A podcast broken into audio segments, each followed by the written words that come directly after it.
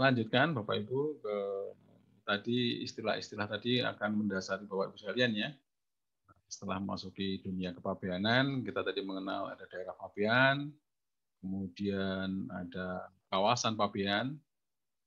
Jadi Bapak Ibu sekalian, kalau sarana pengangkut itu mau ngangkut kontainer, bawa barang ekspor impor harus ke kawasan pabean. Jadi Bapak, misalnya Bapak orang kaya banget ya, rumahnya dekat pantai gitu besar banget kapal bisa masuk. Nah, dari luar bawa barang masuk ke rumah Bapak. Nah, boleh nggak? Nah, itu pidana di bidang kepabeanan, Pak, pidana penyelundupan. Nanti Bapak bisa terkena pidana nanti ya, pasal pasal 102 tentang pidana impor. Ya, karena orang tidak melewati kawasan pabean dalam proses ekspor impornya. Ya. Nah, eh, kita di bab 2 akan belajar mengenai kewajiban pabean dan tanggung jawab biaya masuk. Siapa saja nanti yang bertanggung jawab terhadap proses ekspor impor itu Bapak ya. Nanti kita ada satu pemenuhan kewajiban pabean, kemudian tanggung jawab biaya masuk itu ke siapa, kemudian tarif dan nilai pabean.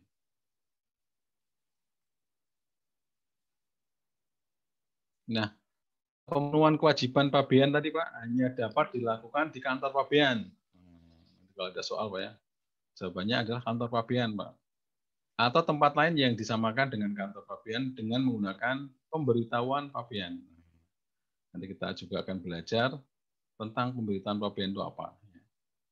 Kalau kantor pabean sudah tahu tadi Pak ya, kantor pabean itu tempat eh, kantor-kantornya di Direktorat Jenderal Bea dan Cukai. Ya. Nah ini Bapak tanggung jawab biaya masuk. Selama atau sejak bongkar di kawasan pabean, kalau pengusaha tempat penimbunan, Pak, tanggung jawabnya adalah sejak timbun di TPS atau TPP. Nah, itu tanggung jawab biaya masuk. Kalau misalnya barangnya hilang Pak di TPS, maka yang bertanggung jawab adalah pengusaha tempat penimbunannya TPS-nya. Nah, tadi ada pertanyaan juga Pak, kapan importir bertanggung jawab? Ya. Kapan importir bertanggung jawab terhadap biaya masuk, Bapak? Itu jawabannya adalah sejak pengajuan pemberitahuan pabean impor. Nah, silakan Bapak di coret-coret di pasal 30, Pak. Ya, pasal 30 Undang-Undang yang punya stabilo, silakan dicoret. Jadi importir bertanggung jawab terhadap biaya masuk itu sejak kapan misalnya? Maka jawabannya adalah sejak pengajuan pemberitahuan impor. Sejak pengajuan pemberitahuan impor. Kalau tadi kita ulang lagi, kalau sejak ditimbun di TPS, maka pengusaha TPS itu bertanggung jawab. Kalau sudah dipindah ke TPP, ya TPP yang bertanggung jawab, gitu ya. Kalau mengangkut sejak bongkar di kawasan pabean. Nah, ini terkait tarif dan nilai pabean, Bapak Ibu. Tarif dan nilai pabean, ya nanti di pasal 17A eh, ya Bapak, 17A nanti Bapak bisa coret-coret ya. Kita akan mengenal istilah pre-entry classification dan valuation ruling. Jadi ini adalah uh, metodologi yang berlaku di best practice di dunia, Pak ya. Nah, kita meratifikasi di undang-undang kita ada namanya pre-entry classification kalau apa sih pre-entry classification Bapak? Jadi kalau nanti Bapak Ibu impor ya, biasanya sering dinotul Pak ya. Udah tarifnya bukan ini Pak. Tarifnya salah Pak. Nah, supaya kejadian itu enggak terjadi Bapak, Bapak bisa mengajukan namanya pre-entry classification. Bapak bawa barangnya, ya, bawa barang-barang sebelum impor ya Pak, sebelum kedatangan barang sebelum impor nih, nah, Bapak bawa barangnya datang ke kantor pusat Pak di gedung Kalimantan nanti di bawah Pak ajukan namanya pre-entry classification. Nanti keluar satu surat produk namanya PKSI Pak, PKSI ya. Oh, PKSI itu pemberitahuan klasifikasi sebelum impor. Jadi akan ditetapkan oleh kantor pusat Pak ya. Direktur Teknis akan menetapkan bahwa barang ini HS-nya, HS code-nya ini. Jadi kalau Bapak nanti ngimpor, tinggal ditempelkan itu Pak di PIB-nya ya, disubmit, disampaikan di sana. Nanti eh, pejabat di, di kantor itu Pak, ada PFPD atau seksi papean, dia tidak akan menotul namanya, tidak notul. Ini Pak, Pak ya, Untung, mohon maaf mau tanya Pak. Ya silakan Pak. oh, itu PK Pak? Uh, Reza Pak dari Semarang Pak. Ya, gimana Pak Reza? Uh, itu tadi PKSI, kalau kita udah dapat PKSI dari pusat, ada masa berlakunya nggak Pak? Berapa lama gitu? Biasanya ada Pak di bawahnya Pak ya. Oh gitu. Itu ada keterangannya Pak situ. Oh iya. iya. berapa lama? Enggak semuanya. Dan nanti ada syaratnya Pak. Oh iya Pak. Uh, syaratnya barangnya harus sama sama yang diajukan nih. Iya Pak pasti Pak itu Pak. barangnya diajukannya apa diimpor lain. Nah itu Bapak Siap. Baik ya Pak. Oke, lah, makasih Pak. Ya. Itu terkait dengan barangnya. Nah, kalau terkait dengan nilai pabean, nanti seru Pak ya. Saya kebetulan PFBD di Pak ya, koordinator. Jadi saya teman saya ada 100 orang lebih ya, selevel level 4 itu. Ada uh, terkait nilai pabean dan klasifikasi ini makanannya atau kesehariannya PFBD tiap hari Pak. Ya. Nah, kalau terkait nilai namanya valuation ruling. Nanti seru Pak. Jadi nilai pabean itu enggak enggak ternyata nggak segampang uh, yang kita bayangkan ya kalau berdasarkan artikel 7 GATT ya custom valuation ya di artikel 7 uh, eh, General Trade on Tariff Agreement on Trade Tariff itu nah artikel 7-nya membahas tentang custom valuation. Nah, nanti Bapak nanti ada pelajaran khusus ya, nanti ada pelajaran nilai pabean. Ternyata uh, invoice yang Bapak sampaikan untuk impor ya itu bisa di just semacam ya nanti ada uh, royalti, ada asis ya. Kemudian apa ada lagi Pak? Royalti, asis, ada uh, ada yang keuntungan dikirim kembali profit namanya Pak ya. Keuntungan dikirim uh, hasil penjualan dikirim ke luar negeri ke supplier ada profit, ada freight, kemudian ada insurance. Nah, ini asik. Nah, itulah nanti yang akan menjadi ujian paling eh, apa Pak seru di uh, ujian tertulisnya ya, yang essay bukan yang multiple choice. Yang essay nanti Bapak akan belajar tentang nilai pabean itu. Jadi CIF-nya berapa ditambah proses, asid, nah asis dan sebagainya ya. Nah ini Bapak sekalian, uh, ini tarif dan nilai pabean. Nah, berikutnya nah Bapak setelah dapat ini bisa mengajukan pemberitahuan impor mengajukan pengajuan pemberitahuan impor. Pertanyaannya Pak, Bea Cukai itu punya wewenangan berapa lama sih menetapkan uh, pemberitahuan impor Bapak Ibu? Ada pertanyaan itu jawabannya berapa? Ini 30 hari ya, sudah dijawab. Ini di pasal 16 ayat 1, Bapak bisa cari di situ, 6 dicoret-coret ya, pasal 16 ayat 1. Uh, eh, pejabat Bea Cukai ini mempunyai kewenangan 30 hari setelah Bapak submit.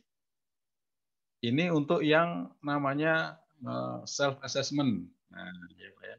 Self assessment. Jadi oh, Bapak ngitung sendiri KS-nya, Bapak ngitung sendiri berapa biaya masuknya, BPH, BPN-nya, PNBM, baru Bapak setorkan ke banknya.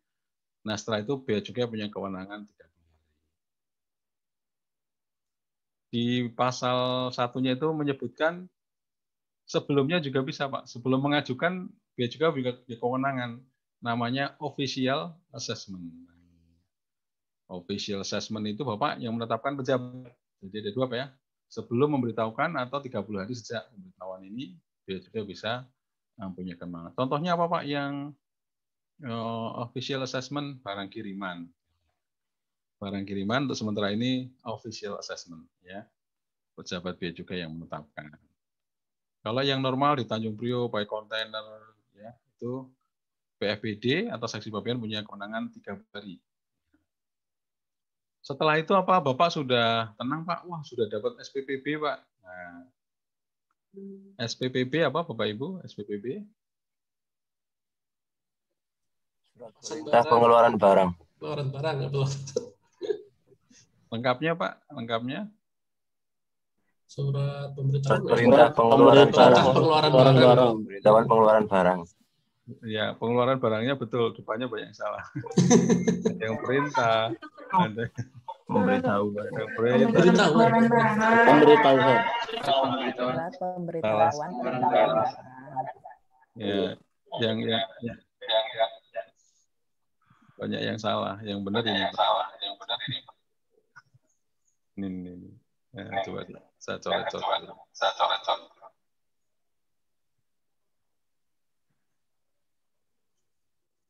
Oke, saya saya lanjut dulu deh.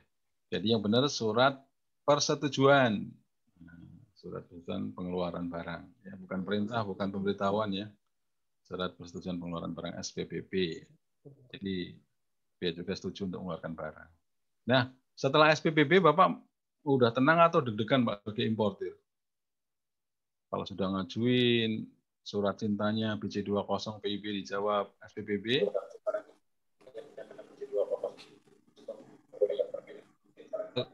ternyata Bapak Ibu, Bapak Ibu ternyata masih mohon mohon mohon mohon dulu. Nggak apa biar seru sih. Kalau sudah jawab di mute dulu. ya, biar nggak feedback. Terima kasih. Ya, Bapak Ibu setelah SPBB ternyata Bapak masih deg-degan Pak ya. Karena di pasal eh, 17 Bapak ya. Bapak bisa coret-coret. Kita masih punya kewenangan namanya kewenangan dirjen, Pak. Dirjen itu bisa menetapkan lagi Pak dua tahun. Nah, di pasal 17 Bapak bisa coret-coret ya.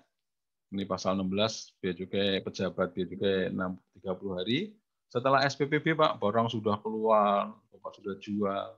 Ternyata keluar ada tagihan lagi. Waduh, ada ibu-ibu yang marah-marah waktu, Pak, barangnya udah SPPB, Pak, jalur hijau keluar. Sudah saya jual, eh ada tagihan dari bea cukai, Pak. Katanya HS-nya salah, nilainya salah. Nah, ini Pak menggunakan kewenangan dirjen. Nah, buat dicoret-coret pasal 17 ya. Pasal 17 itu penetapan pejabat bea cukai. Eh, sorry, yang 30 hari penempatan pejabat cukai ya. Yang dua tahun pasal 17 dirjen masih bisa menetapkan. Nah, menetapkannya pakai apa, Pak? Kok bisa bisanya gitu? Nah, Bapak di pasal 17 ini dirjen mempunyai kewenangan untuk melakukan penetapan kembali atas tarif dan nilai pabean menggunakan namanya penul, Pak, penelitian ulang. Nah, jadi dokumen Bapak dicek lagi, Pak. Kemudian yang kedua bisa menggunakan namanya audit. Nah, namanya audit, Pak. Jadi nanti Bapak bisa diaudit dan juga bisa di penul atau di penutupan. Kalau yang penetapan pejabat bea cukai, ya Bapak Ibu, kalau yang penetapan pejabat bea cukai, ini produknya adalah yang nanti akan ikut ujian di pengadilan pajak, Pak ya. Produknya di sini namanya SPTNP. Nah, SPTNP. Kalau dirjen nanti ditambah IK, Pak. SPK. Uh, sorry, ini kalau di sini surah, surah SPK TNP. Nah, jadi kalau di surat penetapan ada yang tahu artinya Pak SPTNP? Surat penetapan tarif dan nilai pabean. Hmm, Pak Frenda mantap ya, Pak. Tapi kurang, eh kok Pak Frenda, siapa tadi? Sorry. Uh, tapi kurang satu kata, ada dua kata. SPTN, SPTNT. SPTNP, P Pak. Sudah benar tadi, cuma ada kurang kata dua kata. Surat, Surat. pemberitahuan nilai surat pemberitahuan tarif nilai pabean, Pak. Nah, ya, Nah, agak salah ya. Yang benar surat penetapan tarif dan atau nah, ditambah dan atau nilai pabean. Jadi ada kata dan atau Pak. Jadi bisa ditetapkan tarifnya, bisa ditetapkan nilai pabeannya, ya. Dan juga bisa dua-duanya Pak. Notulnya bisa dua-duanya. Nah, jadi begini Pak. ya. Biar biar jelas Pak ya, saya coba di sini.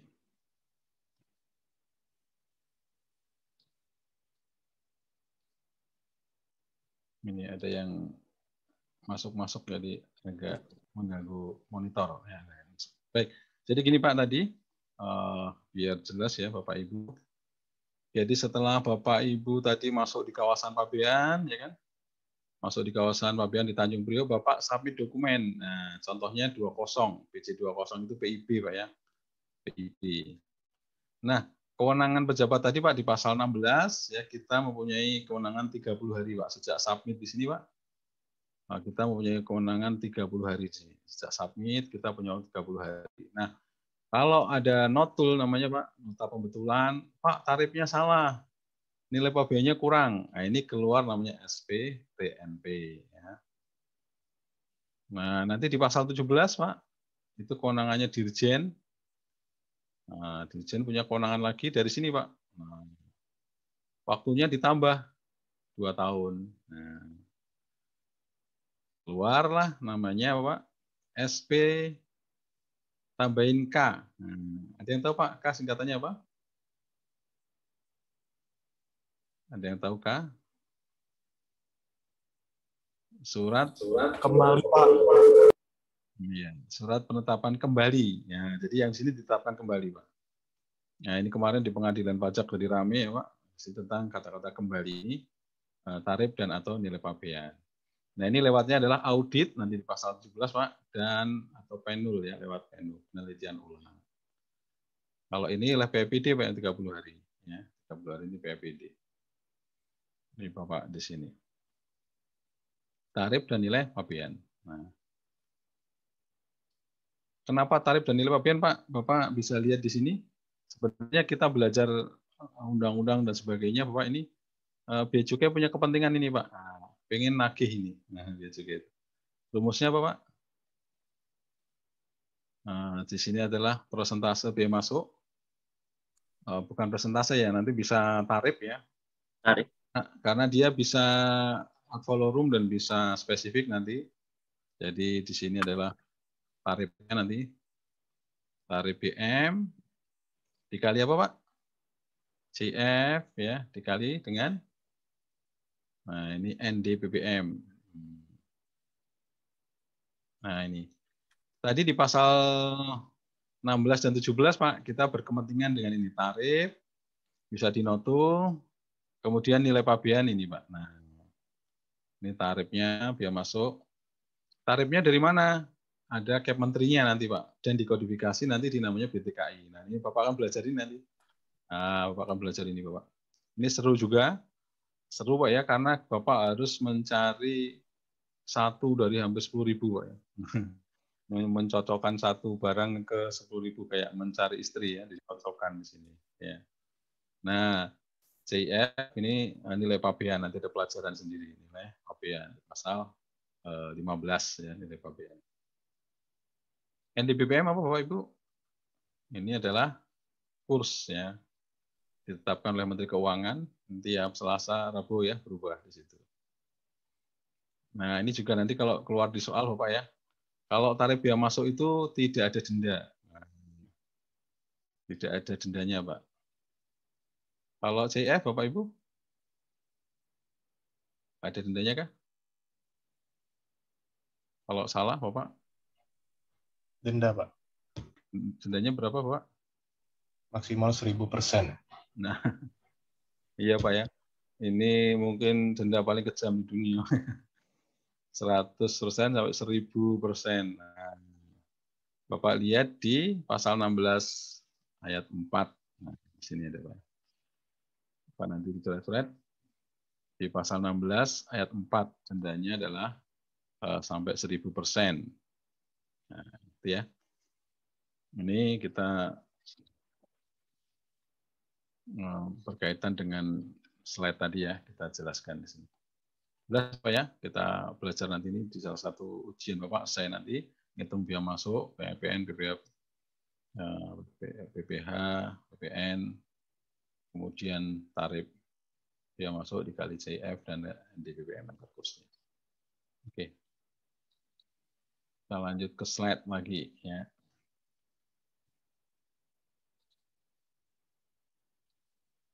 Ya, ini dari ini Pak ya, dua tahun penetapan desain. Oke.